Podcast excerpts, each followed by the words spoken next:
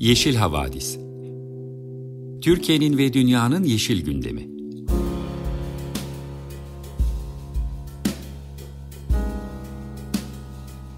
Hazırlayan ve sunanlar Demet Yaman Er, Savaş Çömlek, Dilan Altın Makas, Sare Abit ve Tansu Yeşilkır.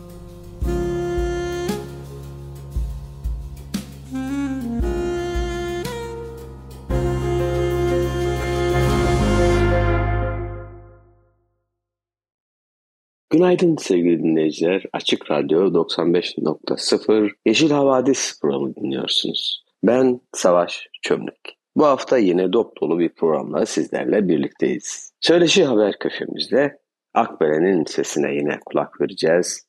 Türkiye Büyük Millet Meclisi'nden seslenen Necla Işık'ın konuşmasını sizlerle paylaşacağız. Ekoloji köşemizi Demet arkadaşımız hazırladı. İklim köşesini de bu hafta sizler için ben hazırladım. Ne yazık ki ne gezegenimizde ne ülkemizde işler iyi gitmiyor.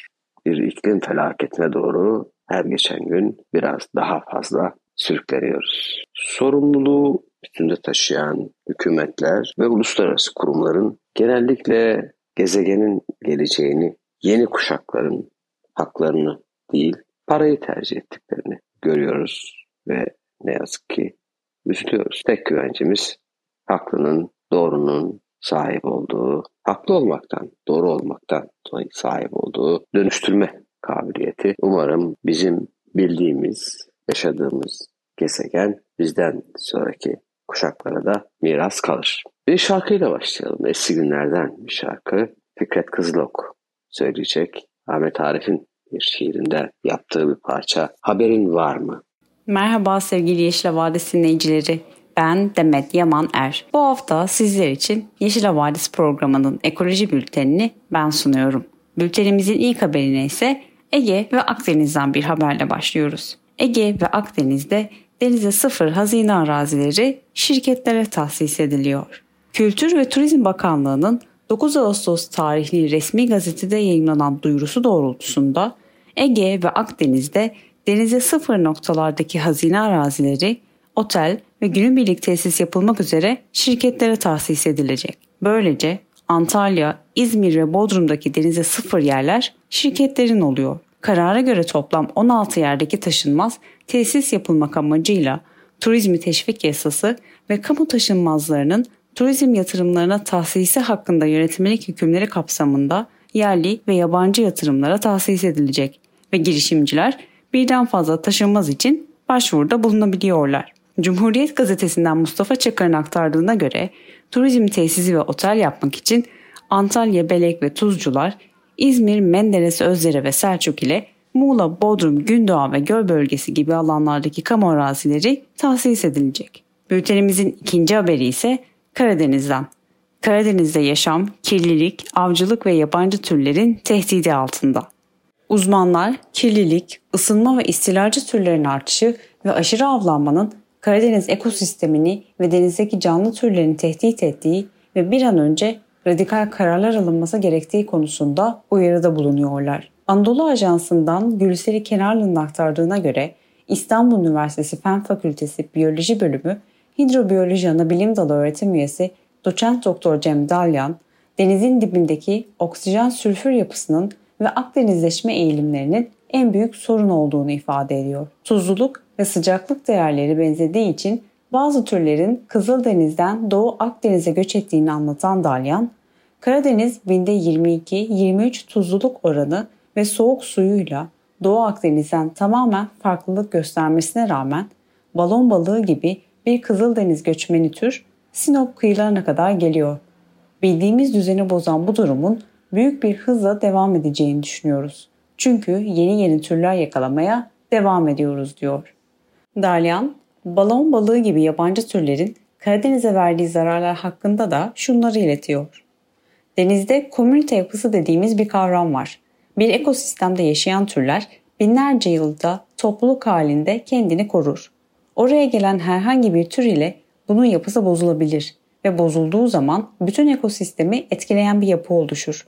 Yabancı türlerin en büyük etkisi tür topluluğunun yapısını bozmaktır. Bu yüzden tür topluluğu yapısını korumamız bizim için çok önemli. Ekosistemde oluşacak herhangi bir değişiklik tür topluluğu yapısını bozarak balıkçılığa ciddi zarar verecektir. Sadece Karadeniz'de alınacak önlemler yetersiz. Olayın hızını bile azaltamayız. Yaşam biçimimizi değiştirmemiz, doğayla uyumlu yaşamaya başlamamız gerekiyor. Deniz koruma alanları iklim değişikliğinin etkisini azaltmada önemli araçlar olarak görülüyor.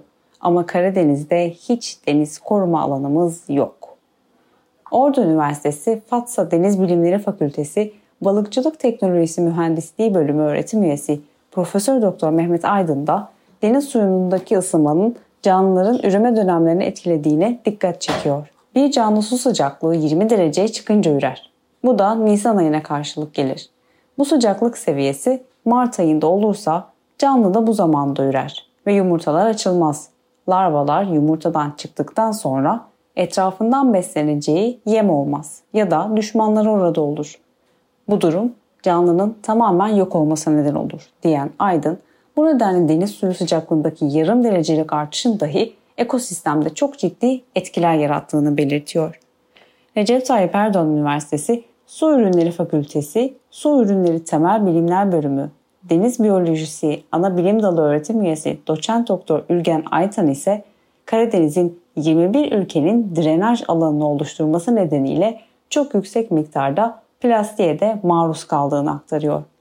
Avrupa Çevre Ajansı'nın geçen yıl yayınladığı bölgesel denizlerdeki plastik kirliliği raporuna atıfta bulunan Aytan, Karadeniz'in Avrupa bölgesel denizleri içinde plastik kirliliğinin en yüksek deniz olduğu bilgisini paylaşırken, irili ufaklı derelerle saatte yüzlerce, bir yağış anında veya sel sonrasında ise binlerce, on binlerce plastiğin Karadeniz'e girdiğini, Karadeniz'in mikroskobik canlılardan başlayarak balıklara, omurgasızlara, deniz memelilerine kadar her canlıda çeşitli oranlarda mikroplastiklere rastladıklarını belirtiyor. Görülen o ki Karadeniz'i korumak konusunda bölgedeki tüm ülkelerle işbirliği içinde acil önlemler almamız gerekiyor. Bültenimizin üçüncü haberi ise İzmir, Manisa ve Balıkesir bölgesini ilgilendiren Kozak Yaylası'na ilişkin. Sabancı Holding bünyesinde yer alan Enerjisa Enerji Üretim Anonim Şirketi artık gerçeğin aktardığına göre İzmir, Manisa ve Balıkesir sınırındaki orman, tarım ve mera alanında 60 türbinlik rüzgar enerjisi santrali RES kurmayı planladığı Uygar Progress projesi için Çevre, Şehircilik ve İklim Değişikliği Bakanlığı'na başvuruda bulundu. Rüzgar türbinlerinden bir kısmının İzmir'deki Kozak Yaylası'na dikilmesi planlanırken kuşların göç rotası da olumsuz etkileniyor.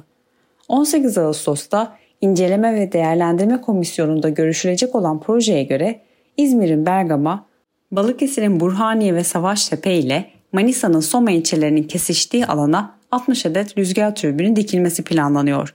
Projenin tanıtım dosyasında da bölgenin Türkiye üzerinden geçen kuşların tali göç rotalarının yakınında ve üzerinde bulunduğu belirtilirken 12.500 hektarlık alana kurulması planlanan C, çevre düzeni planlarına göre de orman, tarım, mera ve ağaçlandırılacak alanlar üzerine kurulacak.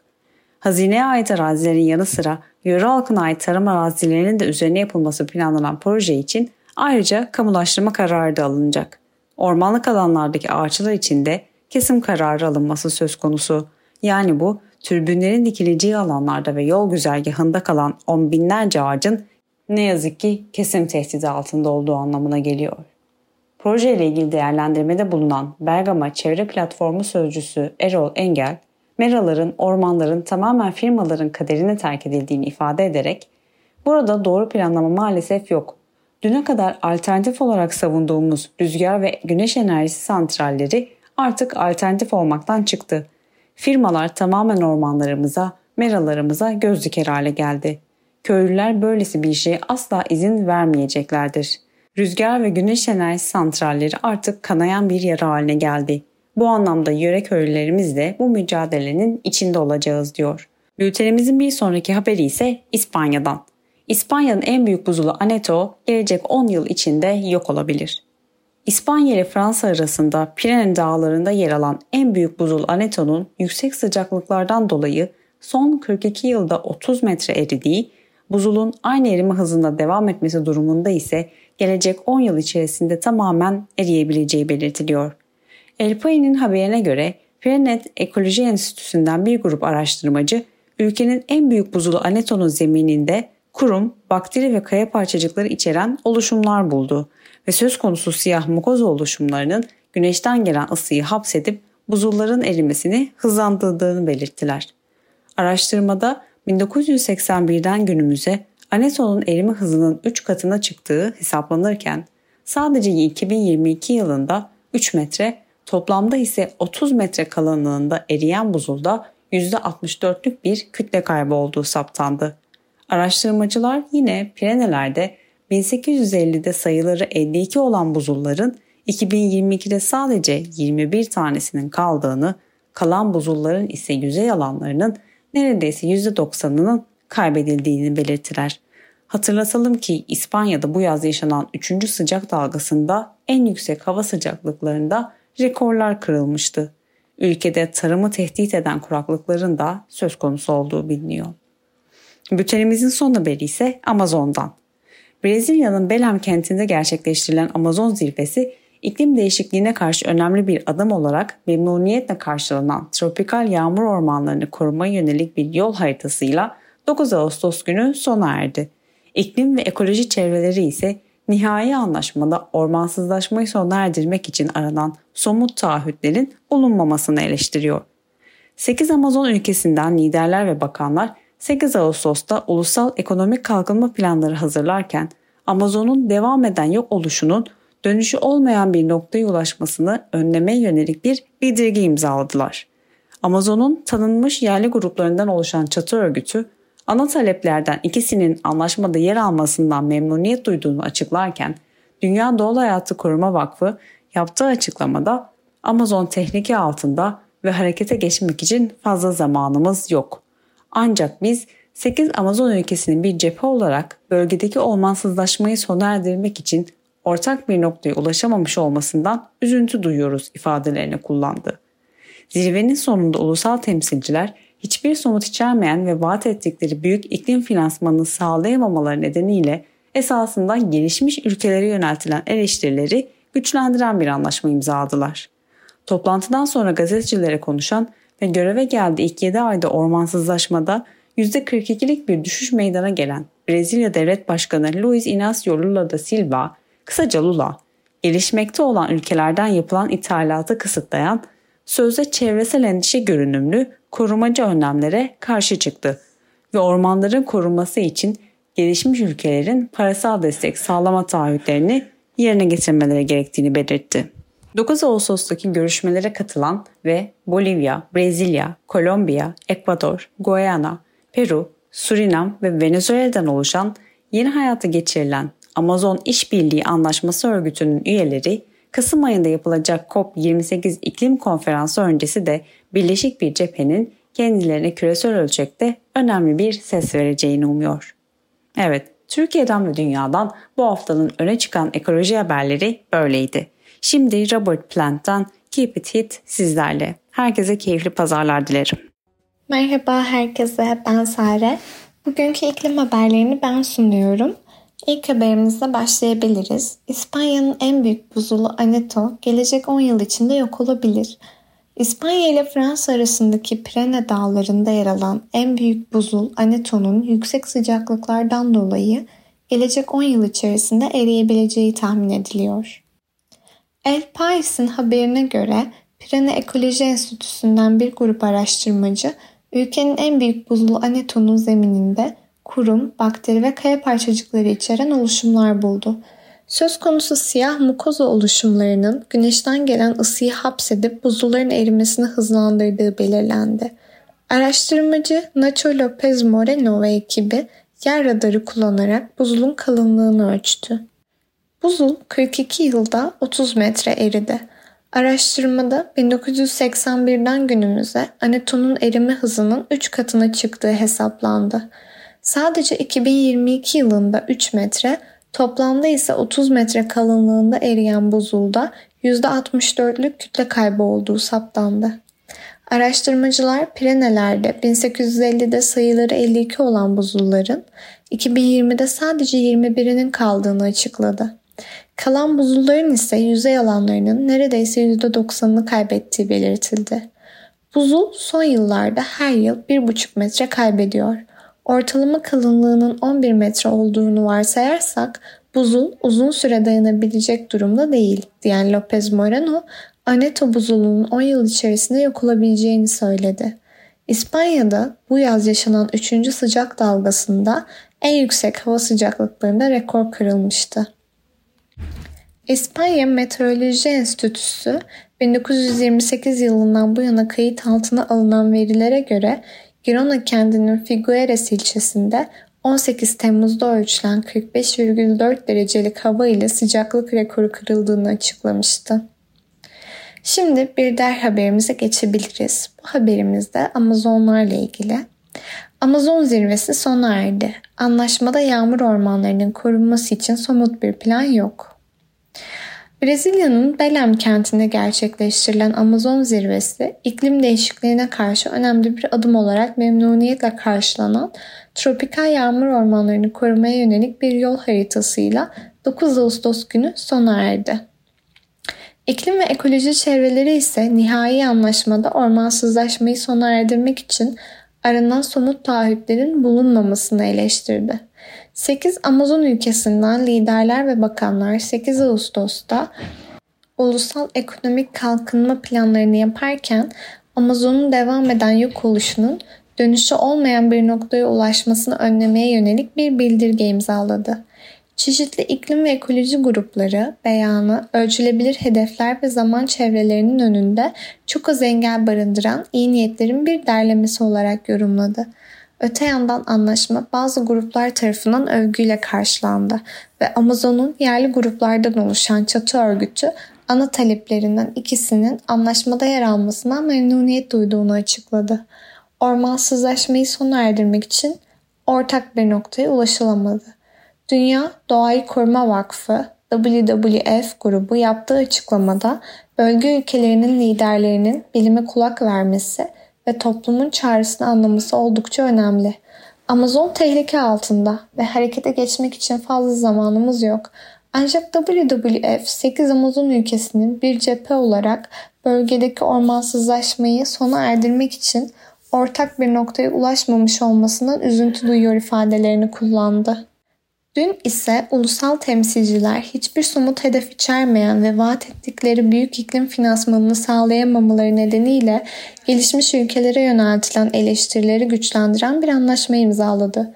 9 Ağustos'taki görüşmelere katılan 8 ülke, e, bunlar Bolivya, Brezilya, Kolombiya, Ekvador, Guyana, Peru, Surinam ve Venezuela, yeni hayata geçirilen Amazon İşbirliği Anlaşması Örgütü'nün üyeleri Kasım ayında yapılacak COP28 iklim konferansı öncesi birleşik bir cephenin kendilerine küresel ölçekte önemli bir ses vereceğini umuyor.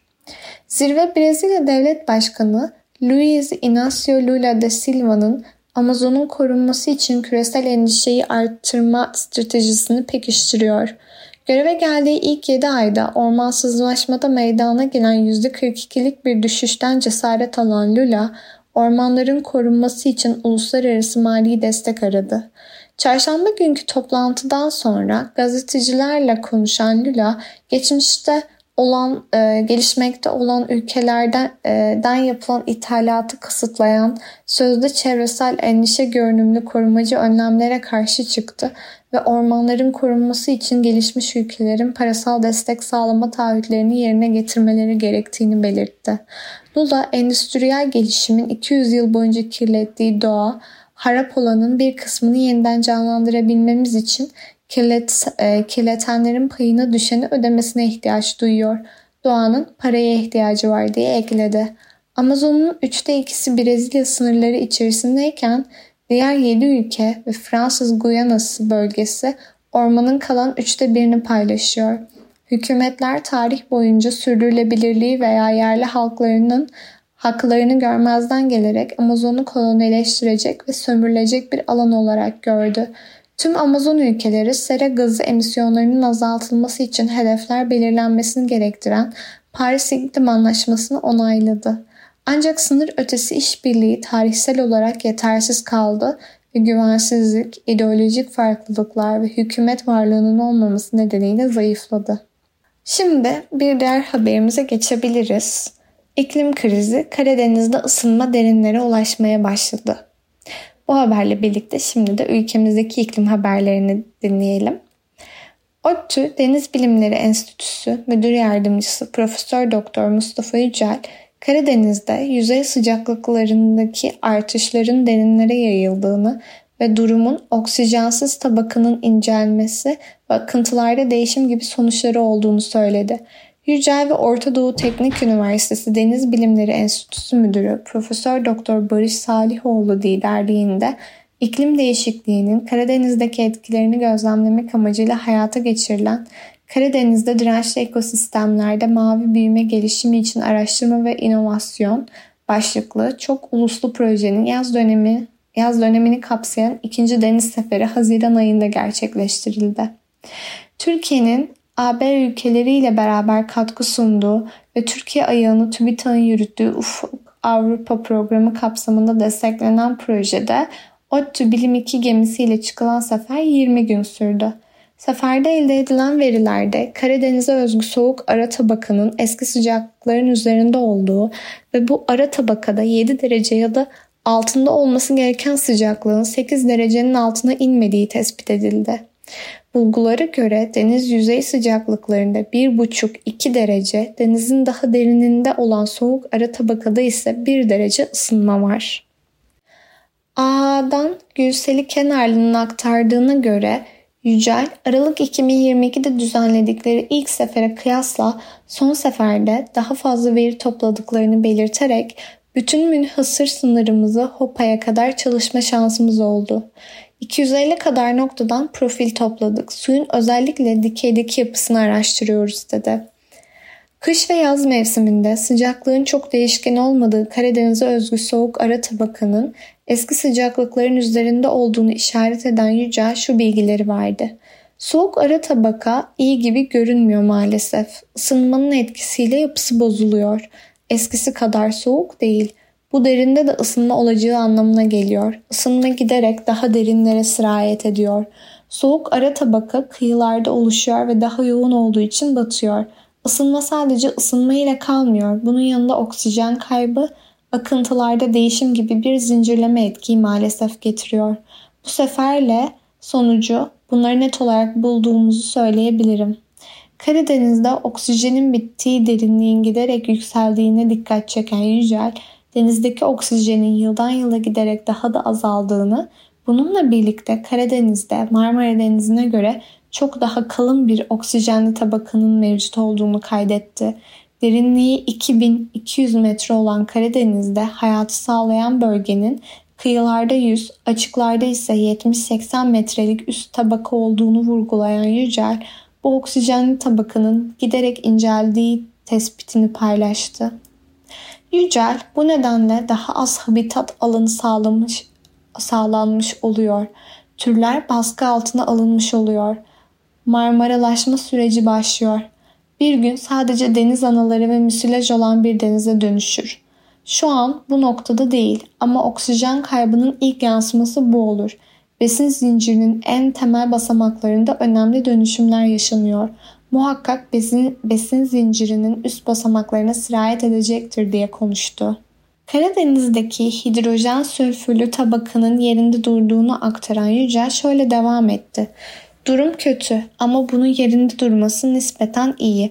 Oksijenin bitip hidrojen sülfürün başladığı 100 metre bandındaki yerlerde çok özel reaksiyonlar cereyan ediyor. Bir kısmı mikrobiyal kaynaklı, bir kısmı kendi olağan koşulları. Oksijen kaybı henüz o tabakayı yukarı doğru çıkarmamış.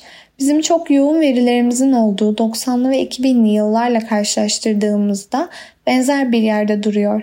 Oradaki biyoloji, e, biyolojik kimyasal yapının hala e, hidrojen sülfürü yerinde tuttuğunu düşünüyoruz.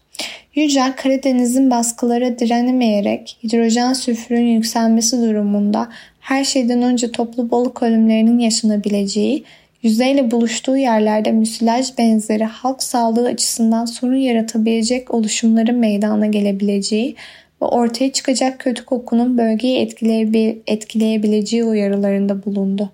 Karadeniz'deki kirlilik baskısının geçmiş 10 yıllara göre bir nebze daha az olduğuna değinen Yücel, kirliliğin özellikle lokal, çok kıyıya yapışık kalmış alanlarda çoğaldığını bildirdi.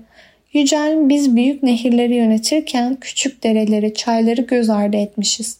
Onlarla kirlilik daha fazla taşınıyor olabilir. Dikkatimizi Tuna gibi büyük nehirlerden ziyade tüm kıyıya yayılmış girdiye yoğunlaştırmalıyız.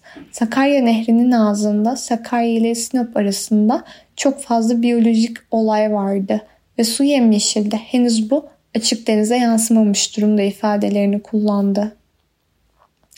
Karadeniz'in karbon yutma kapasitesinin çok yüksek olduğunun ve denizin kendine özel bir karbon kimyası bulunduğunun altını çizen Yücel şu değerlendirmelerle devam etti. Karadeniz bir birim karbon emdiğinde Atlantik Okyanusu'na göre daha az asitleniyor. Buna tamponlama diyoruz. Bir de gemiyle giderken gerçek zamanlı olarak atmosferle karbondioksit alışverişini ölçtük. Burada da sonuçlar yeni elimize geliyor ama ilk bulgulara göre Karadeniz'in özellikle kışın net karbondioksit emdiğini bulduk. Yücel, Karadeniz'in karbondioksit yutma e, çalışmaları ile ilgili yaz ile kış verilerini modelleyerek hesaplamalar yapacaklarını ve böylece net sonuçlar elde edeceklerini belirterek sözlerini tamamladı. Şimdi son e, haberimizle devam ediyoruz. E, bu son haberimizde İsveç'in yeni nükleer reaktör inşa etmeyi planlaması üzerine İsveç hükümeti ülkenin mevcut nükleer reaktör sayısını ikiye katlayarak gelecek 20 yıl içinde en az 10 nükleer reaktör inşa etme planını açıkladı. Çevre uzmanları ise bunun çok maliyetli olacağını ve enerji ihtiyaçlarını karşılamak için çok geç kalacağını söyleyerek plana eleştiriler yağdırdı. İklim Bakanı Romanya e, Pourmokhtari, çarşamba günü İsveç'in iklim hedeflerine ulaş, ulaşmak için önümüzdeki 20 yılda elektrik üretimini ikiye katlaması gerektiğini duyurdu. 10 yeni reaktör planı ülkenin elektrik üretiminin yaklaşık %30'una tekabül eden Forsmark, Oskarsman, Ringhals'te faaliyet gösteren 6 reaktörle ülkenin mevcut nükleer enerji kapasitesinden önemli bir değişiklik anlamına gelecek. Lund Üniversitesi'nden profesör ve Avrupa İklim Danışma Kurulu üyesi Lars Nilsson, hükümetin yeni reaktörlere ihtiyaç duyduğu iddiasına itiraz ettiğini bildirerek hareketi sembolik olarak nitelendirdi. The Guardian'ın aktardığına göre Nilsson o yeni reaktöre ihtiyacımız olduğunu kesinlikle söyleyemezsiniz. Şu anda İsveç'teki elektrik üretimi rüzgar enerjisiyle büyüyor dedi. Hükümetin iklim hedeflerine ulaşmak için harekete geçtiğini göstermeye çalıştığını öne süren Nilsson, hareketin eylemden çok tavırla ilgili olduğunu söyledi ve gerçekten herhangi bir gerçek değişiklik yaratmasından ziyade sembolik olarak görüyorum diye ekledi. Reaktörlerin inşa edilmesi durumunda maliyetin İsveçli vergi mükellefleri üzerinde ağır bir yük olacağını bildiren Nilsson, nükleer enerjinin geçmişte har- e, hararetle tartışılan bir konu olmasına rağmen bu son duyurunun ılımlı bir tepkiyle karşılandığına dikkat çekti. Lars Nilsson, İsveç'in küresel sahnede yeşil bir lider olarak itibarını değişmekte olduğunu söyleyerek İsveç bu profili kısmen kaybedecek. Şimdi ivme ve ilerleme AB ve Brüksel'den geliyor diye konuştu. Avrupa Birliği'nin Fit for uh, 55 planı yasal olarak üye devletlerin 2030 yılına kadar emisyonlarını en az %55 oranında azaltmasını ve 2050 yılına kadar iklim nötr hale gelmesini şart koşuyor. İsveçli ılımlı parti Hristiyan Demokratlar, Liberaller ve aşırı sağcı İsveç Demokratları ile bir koalisyon hükümeti kurduğunda daha fazla reaktöre izin verileceğini ve kredi garantileri ve fiyatlandırma değişiklikleri yoluyla nükleer enerji yatırımlarının karlı hale getirileceğini kabul etti. İsveç'in en büyük çevre örgütlerinden birinin genel sekreteri olan Karin Lexen, hükümeti iklim meselelerine olan odağı başka yöne çekmeye çalışmakla suçladı. O dağı şu anda gerçekten ihtiyaç duyulan şeyden yani 2030 yılına kadar yeterli elektrik üretmekten başka yöne çeviriyorlar. Lexan planın aynı zamanda yeni enerji depolama yöntemleri ve diğer gelişmeler konusunda kaydedilen ilerlemeleri de göz, göz ardı ettiğini kaydetti.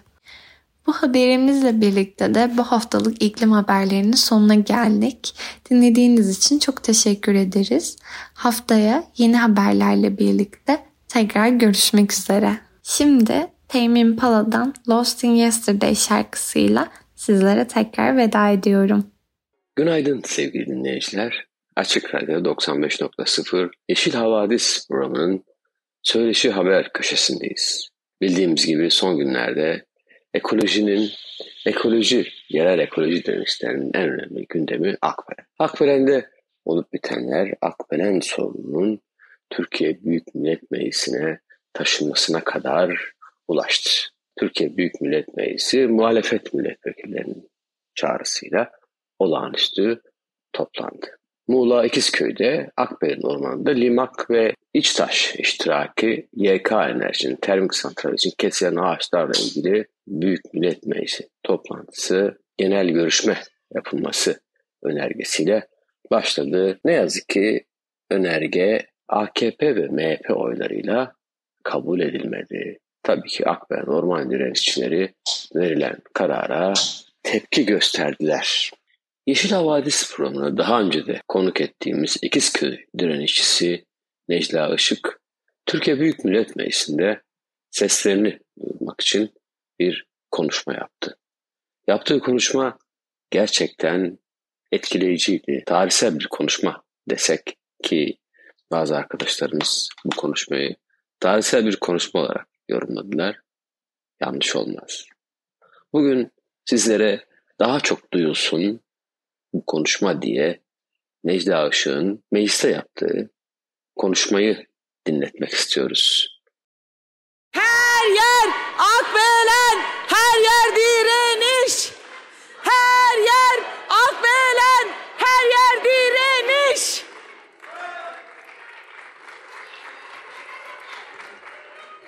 Direne direne kazanacağız. Birleşe birleşe kazanacağız. Akbelen'in çiçeklerini toplayıp geldik. Buruştular. Dün sabah topladık çünkü öğlen yola çıkacağız diye. Buruştular ama canlılar hala. Ee, bugün burada olmaktan İkizköylüler, Akbenlenliler, Çamköylüler, Karacahisarlılar olarak çok mutluyuz. Çok teşekkür ediyoruz. Meclis bugün Akbelen için toplandı. Dört senedir bir mücadele, dört senedir bir haykırış. Tüm canlılar için, toprak için, hava için, su için canımızdan can gidiyor dedik dört senedir ve Akbelen Ormanı yaşasın, yaşatmaya devam edeceğiz dedik. Ama ne yazık ki 16 gündür çok büyük katliam yaptılar Akbelen Ormanı'nda. Sadece çamları değil, içindeki kuşundan kurduna, domuzundan börtüsünden böceğine, yöre halkına, dışarıdan gelen, desteğe gelen, marjinal de diyorlar ya aslında bizlere diyorlar, bizlermişiz marjinal. Köylülermiş, toprağımızı savunduğumuz için terörist de olduk, vatan haini de olduk, marjinal de olduk. Oluruz, toprağımız için hepsi oluruz. Üreticiyiz çünkü, çiftçiyiz çünkü, anayız çünkü, anayız. Sadece çocuklarımızın anası değiliz. Toprağın anasıyız. Her bir bitkinin anasıyız. Coşkun akan derelerin anasıyız.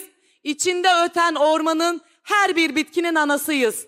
Olmaya da devam edeceğiz.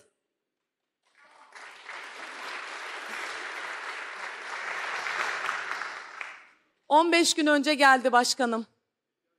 Dedik ki Akbelen Ormanı'na çok feci girildi. Seçimleri kazandı ve kazanmadan önce dedi seçimlerden sonra gireceğim dedi bu aç gözlü iki şirket. Muğla'da şöyle bir sıkıntı var. Muğla'yı alamadığı için denizinden toprağına, dağından taşına, ormanına çok büyük bir baskı var. Yok etme baskısı. Ama biz en başta köylüler olarak kendimizi siper ettik. Taşımızı dahi vermeyeceğiz dedik bu aç gözlü beşli çetelere sizin de dediğiniz gibi. Vermeyeceğiz. Biz hiçbirimiz bu dünyanın sahibi değiliz. Bizden öncekiler de vardı, atalarımız da vardı. Bizler bu dünyada sadece kiracıyız. Gelip geçiciyiz. Bugün varsak yarın yokuz. Hepimizin olduğu gibi. O yüzden buranın sahibiymişiz gibi davranmaktan vazgeçelim. Paranın esiri olmaktan vazgeçelim artık. Çünkü doğamız gidiyor. Çünkü tüm canlıların topraktan tutun, bitkisinden tutun insanına kadar, hayvanına kadar hepsinin en temel hakkı olan sularımız gidiyor. Coşkun akan derelerimiz gidiyor. Yani bir avuç köylü dört senedir çok büyük bir şey başardı. Elbette tek başına değil. Yaşam savunucularının verdiği destekle iki yıl aşkındır orada bir nöbet tuttuk. Ormanımız yanmasın, kesilmesin diye. Ve hepinizin bildiği gibi 24 Haziran, 24 e, Temmuz pazartesi günü öyle bir e, örgütlü gelmiş ki bu kötülük. Başta jammer koydular. Sesimizi kimseye duyuramayalım diye. Evimizin yanına karakolu diktiler, askeri her şeyi diktiler. Beş tane toma diktiler. Siz gördünüz mü? Bir küçücük bir köyde beş toma ne arar? Ne arar? Biz ne, ne derdindeyiz? Biz toprağımızın derdindeyiz. Burada CHP'nin kaç tane vekili var ben çok merak ediyorum. Bizim için toplandı. Aslında Akbelen için toplandı. Aslında Türkiye için toplanıldı bugün. Şunu dedik.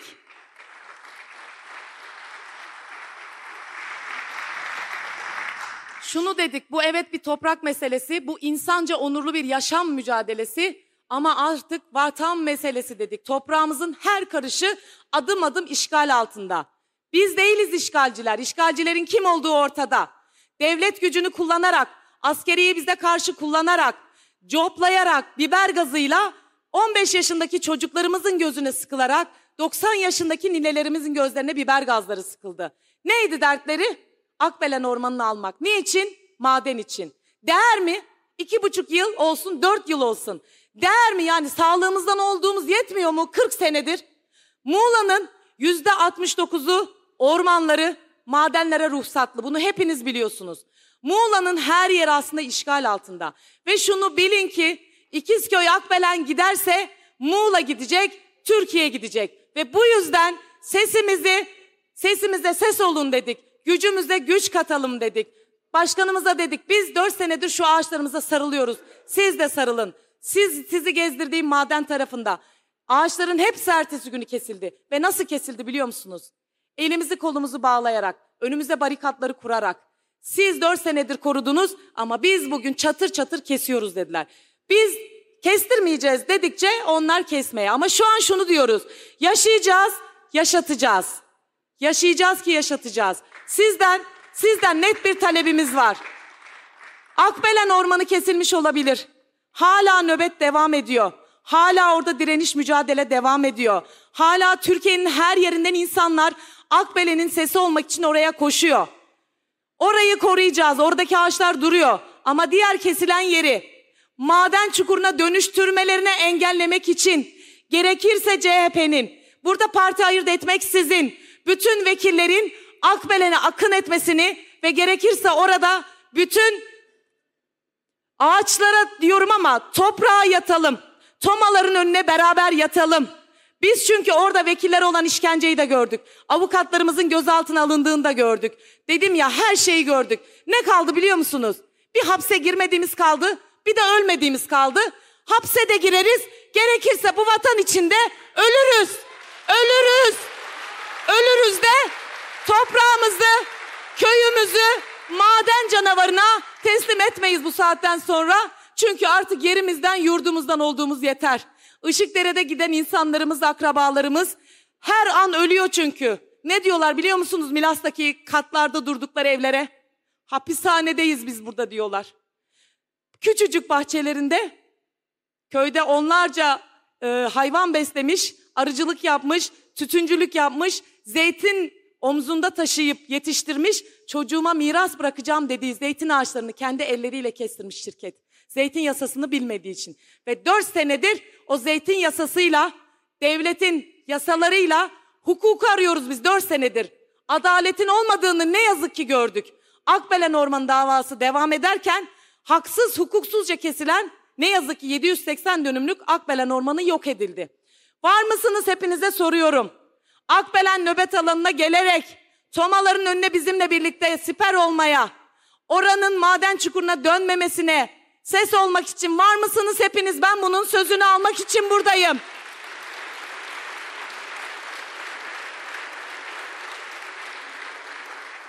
...90 yaşındaki ninelerim adına buradayım. O ağaca sarılıp o çam ağacı kesilmesin diye kendini siper eden Zehra ninem adına buradayım. O da burada çünkü. Sen bu yolu çok çekemezsin dedik. Hayır dedi benim toprağım gidiyor, benim suyum gidiyor. Ben bu yolu çekeceğim dedi. Dün bir buçukta çıktık.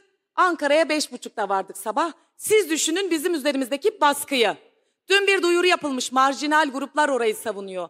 Bu marjinal gruplar dedim ya savunmaya devam edecek. Marjinaller burada hepiniz görüyorsunuz.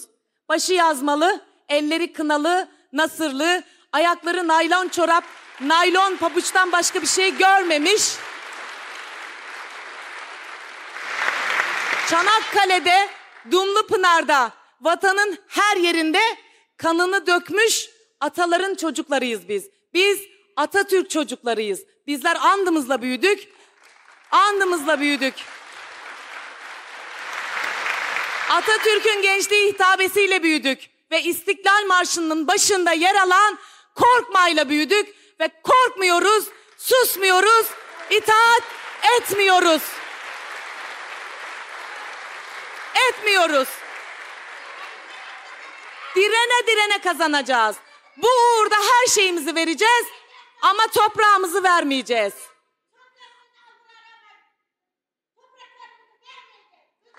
Şehitlere bir can borcumuz var. Şehitlere, altta yatan şehitlerimize, Dumlupınar'da Çanakkale'de iki yaşında boğayı götürmüş. Ben dedelerimden dinledim bunu. Onlara bizim bir borcumuz var. Ve o gün, bugün diyorum ben, o gün bugün. O gün bugün. Ben 10 dakika dediler. Ne kadar konuşacağım daha? Toprağımız bakın köyümüz için buradayız. Sadece İkizköy değil. Çamköy için, Karacahisar için, tüm köylerimiz için, Muğla için, Türkiye için buradayız. Derelerimiz için sularımız gidiyor elden. Kuşlarımız ben size o gün dedim kuşlarımız bütün bahçelerimize sardı. Hala bahçelerimizde. O yaralı kuşlarımız bahçemizde dutlarla büyüyorlar ve orada bizim e, çeşmemizden akan sularla. Yaralı bir sürü hayvanımız. Akbele'nin gözü kulağı burada. Buradan çıkacak kararda. Herkes dualarla bizi uğurladı dün. Yani iyi haberler bekliyoruz hepinizden. İyi haber ve bizim için ne yapacaksınız? Ben bunu soruyorum. Bizim için, Akbelen için, Muğla için, vatanımız için bugün ne yapacaksınız? Ben hepinizden bunun sözünü alarak dönmek istiyorum buradan. Gerekirse eylemi burada da yapacağız. Eylem olarak düşünmedik ama gerekirse meclisin kapısında yatarız. Zeytin için geldik çünkü. Vekillerle birlikte girdik ve o torba yasasını geri çekmek zorunda kaldılar. Şu an Akbelen için çok önemli. Vereceğiniz karar, atacağınız adımlar çok önemli. Sayın Başkanım sizin önderliğinizde ve bütün milletvekillerime sesleniyorum tekrar. Semra Hocam 15 gündür oradasın biliyorsun. Gizem Hocam hepiniz bütün vekiller oradaydı. Orada gerçekten çok büyük katliam var. Bunu buradan ben ne kadar anlatmaya çalışsam saatler yetmez zaten de. Her birinizin gelip oraya görmesi lazım. Orada bir AKP hükümdarlığı var. Akbelen'e kafayı takmış. Burayı alırsam Türkiye'nin her yerini alacağım şeyi var çünkü düşüncesi var. Biz de vermiyoruz diyoruz. Vermiyoruz. Ötesi yok. Ötesi yok. Ötesi yok. Teşekkür ediyorum. Çok sağ olun.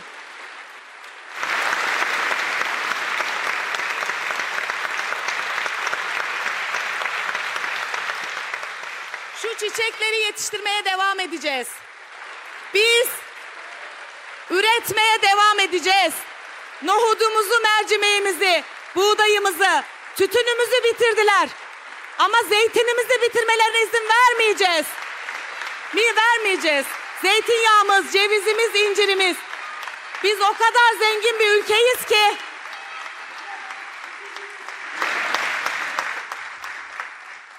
Biz o kadar zengin bir ülkeyiz ki bizler tütünle büyüdük.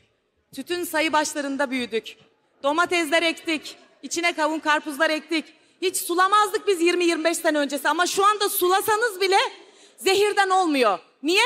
O madenin toprağa verdiği zarardan çıkartmaktan tutun da yakıncaya kadar o verdiği asit yağmurları var ya bizim zeytinlerimizi de etkiliyor, hayvanlarımızı da etkiliyor, toprağımızı da etkiliyor. O yüzden biz bunları üretmeye devam edeceğiz. Madenlere destek vermeyi bıraksınlar. Termik santrallere destek vermeyi bıraksınlar. Tarıma, tarıma çiftçiye destek versinler. Tekrar çok teşekkür ediyorum. Sağ olun, var olun. Akbelen'den kocaman yürekli yiğit kadınlardan ve köylülerden hepinize sevgi selam olsun. Her yer Akbelen, her yer direniş. Her yer Akbelen, her yer direniş. Direne, direne kazanacağız. Birleşe, birleşe kazanacağız. Sevgili dinleyiciler, Akbelen'le ilgili mecliste yapılan olağanüstü toplantı çağrısında İkizköy direnişçilerinden Necla Işık'ın konuşmasına yer verdiğimiz Söyleşi Haber köşemizin ardından programımızın da sonuna gelmiş bulunuyoruz. Bu haftalık hoşçakalın. Bir sonraki programda görüşmek dileğiyle.